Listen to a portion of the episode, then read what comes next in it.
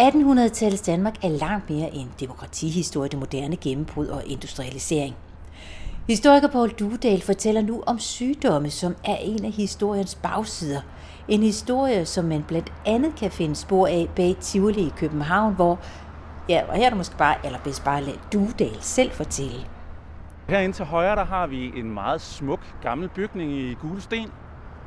Og øh, i midten af gården her, hvor vi går ind nu, der er der en fin statue af en herre. Nu kan jeg tyde bogstaven, der står Rudolf Berg. Det er ham, der har anlagt det her øh, hospital simpelthen. I mange år der hed det Rudolf Bergs øh, Hospital, og før det hed det Vesterhospital. Og øh, det er et meget specielt sted, så øh, det er da en historie, der er værd at grave lidt i, er det ikke det? Og det er det ganske afgjort, og vi skal nok komme til at grave i den. Jeg er bare nødt til at sige indledningsvis, Paul Dudal, når vi står her nu, så fremgår det på alle de blå skilte, der hænger på det gule murværk, at det er voksentandpleje, det er børnetandpleje, det er børneinstitutioner. Den historie, du kommer til at fortælle nu, den er stort set visket ud af byens billede, hvis det altså ikke lige var, fordi bygningerne stod her, og der så også er den her øh, byste af Rudolf Berg. Paul Dudal, jeg har bedt om, at vi skulle mødes her inde i byen, fordi du skal have lov til at fortælle om din bog, noget af den. Øh, velkommen til bagsiden. Og det, vi skal sætte fokus på, det er lidelserne. Og hvorfor er det så, det her med at stå herinde blandt de gule bygninger, det er så oplagt i dag? Jamen, øh, altså bogen den handler jo sådan set om alt det, der ikke bliver nævnt i historien. Altså, man tror tit, at historiebøger handler om fortiden. Det gør de i virkeligheden ikke. De handler om nutiden, og så forsøger man at fiske ting frem af fortiden, som kan forklare, hvordan nutiden blev til. Så er det demokratiets historie, så er det konsensuskulturens historie, så er det velfærdsstaten osv. Men hvad skete der med for eksempel i det her tilfælde sygdomme, som måske ikke sådan har den store bevågenhed længere, men som betød rigtig meget i 1800-tallet. Øh, ja, sådan er der en masse historier, man kan grave lidt i, og det har jeg gjort i bogen. Lad os prøve at grave i Rudolf Bauer historien her på hospitalet. Hvor, hvornår er vi? At København giver sig selv, men altså, hvor i historien er vi? Ja, vi er i 1800-tallet, og det starter et, et lidt andet sted end her. Altså, hvis man skal forklare, hvorfor sådan nogle sygehuse i det hele taget dukker op, så skal vi nærmere kigge ud på øh, kørebanen herude øh, lige ved Tivoli. Fordi hvordan vil det se ud, sådan hvis vi, nu kan vi hoppe øh, til fælles sted tilbage i historien, sådan omkring år 1800, så ville der være dybe rendesten. Så ville der komme afløb, måske hvis det var fra sådan et sygehus her, så ville det komme inden for dissektionsstuerne. Så ville der komme løb blod ud, ikke? Fra byens slagterier, fra... Øh, de steder, der øh, syede øh, valolie og sæler og hundeådsler og heste og sådan noget. Altså, der har været en stank uden lige. Øh, nu blæser det ret meget i dag, så, øh, og det, det blæser over i retning af Sverige, så det vil være en rigtig god dag. Men på andre dage, så vil det faktisk være ganske forfærdeligt. Sådan en, en solskinsrig dag, og bare med en let brise, så vil der komme øh, stank inden for baggårdene. I Københavns gader gik der køer, Øh, der var nogen holdte grise. Der ville være latrinkugler osv. Så, videre. så der er en massiv forurening. Sådan lidt halvrød en København, du der beskriver. Ja, øh, det er det jo, øh, men man skal jo så forstå, at, at det er dagligdag.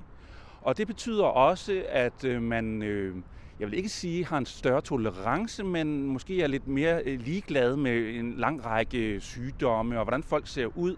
Altså der er sådan, øh, der er flere nuancer i, i bybilledet eller gadebilledet, kan man sige. Poul, lad os lige prøve at gå lidt rundt om den her figur, fordi nu blæser det lidt, og det blæser altså også lidt i, i mikrofonen. Så, men nu siger du det her med at være ligeglad med sygdom.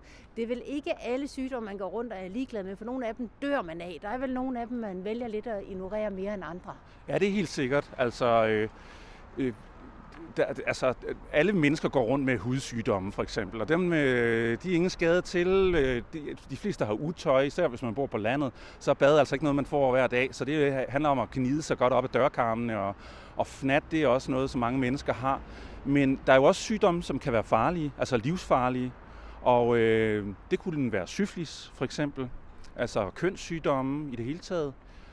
Øh, og hvis vi tager tilbage til omkring år 1800, øh, så kan man godt sige, at der var en vis ligegladhed eller, øh, i forhold til de her kønssygdomme.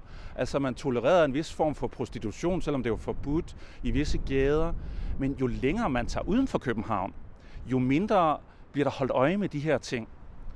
Øh, og øh, sådan lige i slutningen af 1700-tallet, omkring år 1800, der er der øh, folk, øh, for eksempel på Fyn, som lægger mærke til øh, nogle meget underlige væsener, der går rundt ude på landet, som øh, mangler en næse.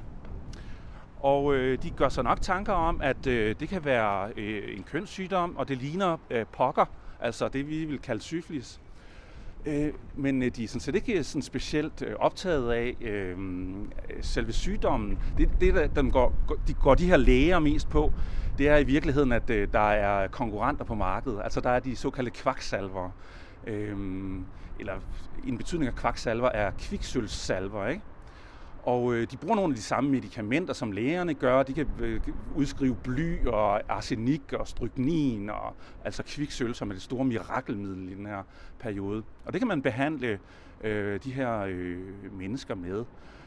Og øh, problemet er, at øh, kviksøl det kan være en farlig sag, så, øh, så de er lidt i tvivl om, om næsen forsvinder på grund af af, hvad hedder det, den her sygdom, altså syfilisen, eller det i virkeligheden er øh, brugen af kviksøl, der øh, får næserne til at forgå. Og hvad mener vi med et nutidigt mening, holdning til den slags? Jo, jo, men altså, det er jo, øh, det er jo øh, giftigt, altså, og, og vi har masser af historiske eksempler på, at folk dør af kviksølsforgiftning. Altså, det er farligt. Altså, nogle gange er medicinen farligere end, end selve sygdommen. Så det, de her læger gerne vil, det er øh, at holde det lidt under kontrol, og med deres viden sætte ind over for det her. Men det her, det kan jo godt lyde som historien om de skøre gamle dage, men i virkeligheden så er det vel i bund og grund kvakseller eller ej, så er det vel mennesker, der gør det ud for ofte de bedste intentioner, eller bare en intention om at tjene nogle penge, fuldstændig som i dag. Jo, jo, fuldstændig. Og de øh, gør det jo med den bedste viden, de har. Og, og meningen er jo netop at, at højne folkesundheden og gøre noget ved de her ting. Og altså, øh, før man sådan får kloakering og alt sådan noget, så er det et af de steder, man kan sætte ind og, og faktisk gøre en stor forskel øh, nemlig at, at stoppe udbredelsen af de her kønssygdomme. Men det jeg lige skal forstå, de her kønssygdomme, er det nogen, man taler om, eller accepterer man, de er der, og så behandler man lidt indimellem? Jeg vil sige, at i første omgang er det det sidste, der er gældende. Men øh, problemet er, at det kommer op i epidemiske dimensioner, øh, sådan i starten af 1800-tallet. Øh, I et omfang, sådan at øh, man simpelthen er nødt til at oprette en lang række amtssygehuse rundt omkring i landet, øh, fordi man ser øh, lakuner af næseløse befolkninger, særligt ude i yderområderne, hvor de får lov at gå i isolation, måske i, i nogle generationer, og hvor det har fået lov at sprede sig. Og der bliver man simpelthen nødt til at gribe ind, fordi vi har at gøre med et godt moderne samfund, hvor folk ikke skal gå rundt og mangle deres næser. Ja og nej, altså det, er jo, øh, det handler i virkeligheden om at bare at få stoppet ondet, inden at alle bliver syge af det. Altså, jeg vil sige, det er mere sådan... Øh, kaospiloter de er, ikke? Altså, de skal forsøge sådan lige at få ordnet tilstanden. Og lykkes det? Ja, det kan man godt sige, at det gør, øh, men det kommer lidt bag på dem, øh, hvad det drejer sig om, fordi den første syfilis er faktisk ikke en, øh, som er, er øh, spredes, øh, den kan godt spredes som kønssygdom, men det gør den ikke nødvendigvis. Øh, det, der overrasker læger og sådan noget, der de tager ud, det er, at øh, kvinder, der aldrig har været sammen med en mand eller børn, også er smittet. Og hvordan kan det lade sig gøre? Så de, de går jo i gang med at undersøge det her fænomen. Og øh, det, der, det, der går op for dem, det er, at det hænger faktisk lidt sammen med det, vi lige talte om, nemlig det, der foregår ude på gadeplanen. Altså, man er vant til et værre svineri, simpelthen. Og det foregår ikke bare ude på gadeplan, det foregår også inden for hjemmets fire vægge. Altså, og især ude på landet. Fordi, hvordan spiser man? Jamen, man spiser et fælles grødfad. Man drikker ofte af den samme skål. Øh, Ja, men øh, hvis du kommer på besøg, så får du, øh, låner du en pibe. Øh, hvis du får kaffe, og der, du har brug for lidt sukker, så tager du det sukker, der lige er blevet brugt af den, der var der i forvejen. Man sover i de samme senge, de er aflukkede alkover, og der er ingen viden om hygiejne. Det betyder, at der er heller ingen grund til at skifte sengetøjet ud. Og hvis du har bylder på kroppen og så videre, og ligger der og vrider dig om natten, og du deler seng med nogle andre, jamen så spredes smitten så let som ingenting. Etableringen af amtssygehusene gør det, at man kan dæmme op for det her og få folk lære lidt om på et tidspunkt også noget hygiejne? Jamen det er helt klart. Altså det gør faktisk en meget stor forskel. Vi kan se, hvordan øh, folkesyflisen, som den kommer til at hedde, spreder sig i andre retninger efterhånden, som man får amtssygehuse. Fordi man faktisk er i stand til at behandle syfilisten og få den inddæmmet og lære folk om hygiejne. Ofte øh, det, der sker på sådan et sygehus, det er, at øh, patienten får sit livs første bad, og derefter så indtager de noget, øh, det man kalder kalomel, altså som er sådan en kviksølvsblanding. Og meningen med den er, at øh, man skal kaste op, altså, eller faktisk skal man øh, have det onde ud. Øh, der er sådan en idé om, at, man, at den syge krop er besat, og, og så skal ondskaben ud, og det gør man ved at få de væsker ud. Og vi kender det jo selv, når vi er forkølet og sådan noget, så gør kroppen det jo selv på en eller anden måde. Så lægerne vil gerne hjælpe til med det, og hvis man giver kviksøl ind i kroppen, så øh, får man sådan noget tykt flydende spyt ud, og der kan man, øh, ja, flere øh, liter om dagen kan så flyde ud, ikke? Og øh, det næste, man så gør, det er så at tage det, der hedder gråsalve. Det er sådan noget kviksøl blandet med oksetal og svinefedt. Og så smører man hele kroppen ind i det, eller de angrebne steder. Og det er faktisk i stand til at gøre en forskel. Altså i hvert fald i første omgang at stanse øh, vandsiringen af kroppen.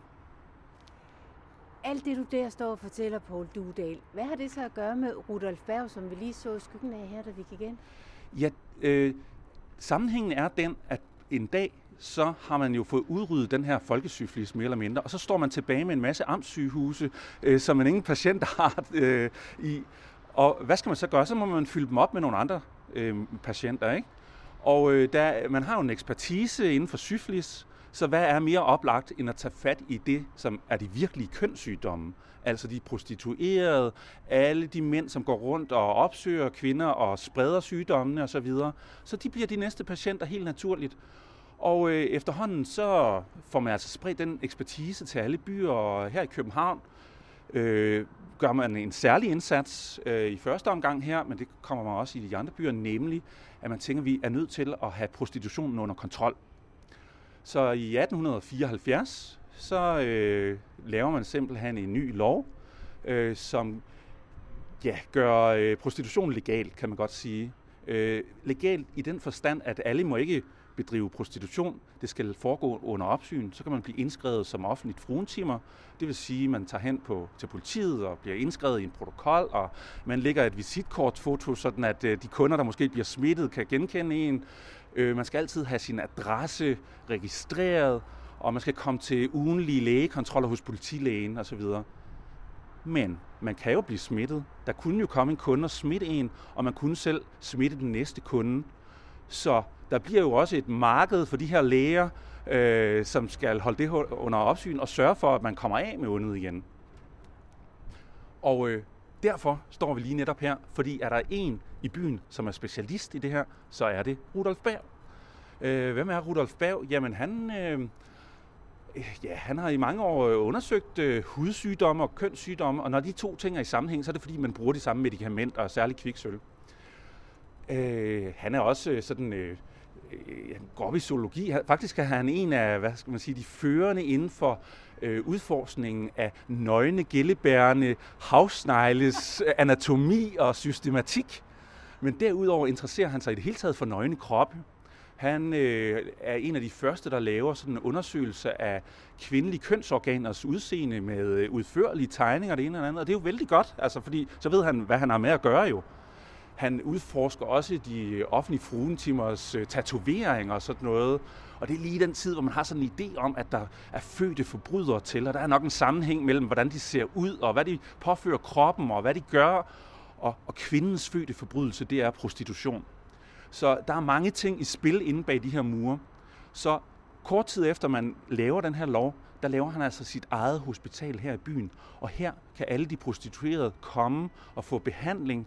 Øh, bygningen er delt op sådan i to, sådan at man har de offentlige fruentimer for sig, og så har man dem, som er de såkaldt hemmelige prostituerede. Det kan være nogen, som gør det uden politiets tilladelse, men som alligevel man har behov for, at de får noget behandling, så, så de ikke bliver smittespredere. Det kan også være fortidens svar på sugar dating. Altså simpelthen, der er masser af rige mænd i byen, som har, holder sådan en lille elskerinde ved siden af, og hun skal jo også sådan i al anonymitet kunne blive behandlet et eller andet sted. Så de kommer her ned i den her bygning, og øh, bliver, øh, kommer i en eller anden seng her og får altså kviksølsbehandling eller jodbehandling. Øh, og jod virker også, fordi det har et element af kviksøl i sig. Er der en tredje fløj for de her mænd, der har smittet? Ja, det, øh, jeg vil sige, det kommer senere, øh, fordi øh, da vi når op på den anden side af det næste århundredeskifte, 1906, så bliver prostitutionen øh, øh, ulovlig igen, og øh, så har han behov for flere patienter, kan man sige. Så, øh, så øh, tager han mænd ind også. Øh, de har hidtil også kunnet få noget behandling, men der er de tit gået hen på Københavns Kommunehospital osv. Øh, men der kommer en, især en masse privatkunder øh, efter århundredeskiftet. Vi har jo øh, nogle berømte, nogle af slagsen, og øh, nu passerede vi jo en statue her for lidt siden, og den statue er lavet af ja, øh, Rudolf Bavs måske mest berømte patient, øh, nemlig øh, skagensmaleren Per Krøyer, som, ja, hvordan han fik syflisen, eller øh, ja, det, det gjorde han sig selv tanker om. Han øh, mente selv, at det var øh, ungdomligt letsind, han, øh, der havde skaffet det, ham det på halsen, men øh, han havde behov for behandling, og øh, kønssygdommen havde med at slå ud sådan med jævn mellemrum, så, øh, så gik han til behandlinger øh, i bygningen her, øh, og blev, fik kroppen øh, smurt ind i øh, kviksølv. kviksøl. Og øh, som ja, dem, der er lidt kunsthistorisk interesserede, de vil jo vide, at øh, han øh, havde sådan lidt øh, psykiske problemer og sådan noget. Og mange kunsthistorikere har gjort sig tanker om, hvorvidt det egentlig skyldes den her syflis, som jo kunne øh, slå ud på, øh, altså på nervebanerne og, og skabe sindssygdom. Altså, Øh, faktisk er mange af sindssygehospitalerne fyldt op med patienter, som lider af storhedsvandvid eller sløvsind, kunne jo være det modsatte. Øh, men ofte kan det også være sådan, at det er kviksølven, der øh, lige pludselig slår ud og skaber nogle af de samme symptomer. Og hvad årsagen har været til øh, Krøyers øh, sindssygdom, det, kan, det får vi nok aldrig svar på. Det her sted i byen, Rudolf Bergs Hospital, er det Altså det lyder jo som et ret centralt sted. Der må have været en del, hel del kvinder, der har haft sin gang her, og så må der jo altså også have været en hel del mænd ude omkring i byen, som har mærket konsekvenserne af nogle af de ting, der er foregået her. Er det et sted, man taler om det her? Er det et sted omgivet af respekt? Ja, altså, det er da øh, kendt i samtiden. Alle ved, hvem det er, der er kunderne hernede. Det er der helt sikkert, det er. Og de kommer jo ofte fra nærområdet også. Altså, der er en let gang hertil. Øh, men altså, det er jo også, seksualitet er jo omgivet af tabu i samtiden, kan man sige. Ikke? Så det er jo ikke et sted, man sådan øh, bare kom spangulerende til, vel? Altså, det er jo øh, sket sådan øh, lidt i skjul og, og i det fordægte. Og lige netop det her med det skjulte og det fordægte, det er jo de her historier, du trækker frem af historien, og det er jo selvfølgelig også det, der er baggrund for den her, det her spørgsmål, som jeg netop stillede dig. Det er jo, at det her, det har jo været her, og så har det alligevel ikke rigtig været her. Det har jo i hvert fald ikke været her som noget, vi har skrevet ind i historiebøgerne med store øh, bogstaver. Hvordan kan det være, at du synes, det skal trækkes frem og gøres til en historie? Det er fordi, jeg synes, der mangler et aspekt i historiebøger generelt. Nemlig, hvordan livet formede sig i alle sine nuancer. Øh, fordi man får ikke noget retvisende billede af 1800-tallet ved at læse en Danmarks historie om 1800-tallet. Altså så handler det tit om demokratiets tilblivelse for eksempel, men vi ved også, at det kun er 15 procent og ofte velhavende øh, mænd, ikke, som egentlig havde medbestemmelse. Hvad bliver der af de resterende 85 procent? Og sådan er det jo også ude i gadebilledet. Øh, og sygdomme hører med til menneskelivet, så jeg vil gerne se menneskelivet i, i al sin mangfoldighed, med alle de former, øh, som menneskelivet kan tage. Og sygdomme, lidelser hører med. Når du fortæller, og du ovenikøbet har skrevet den her historie ind i din bog, så er det jo ekstra påfaldende, når man går herind, at den her historie jo stort set er udraderet. Der er godt nok lige den her figur af Rudolf Berg, men ellers så står der jo ikke noget med tidligere venerisk klinik eller noget som helst. Visker man den her slags ud så hurtigt man overhovedet kan?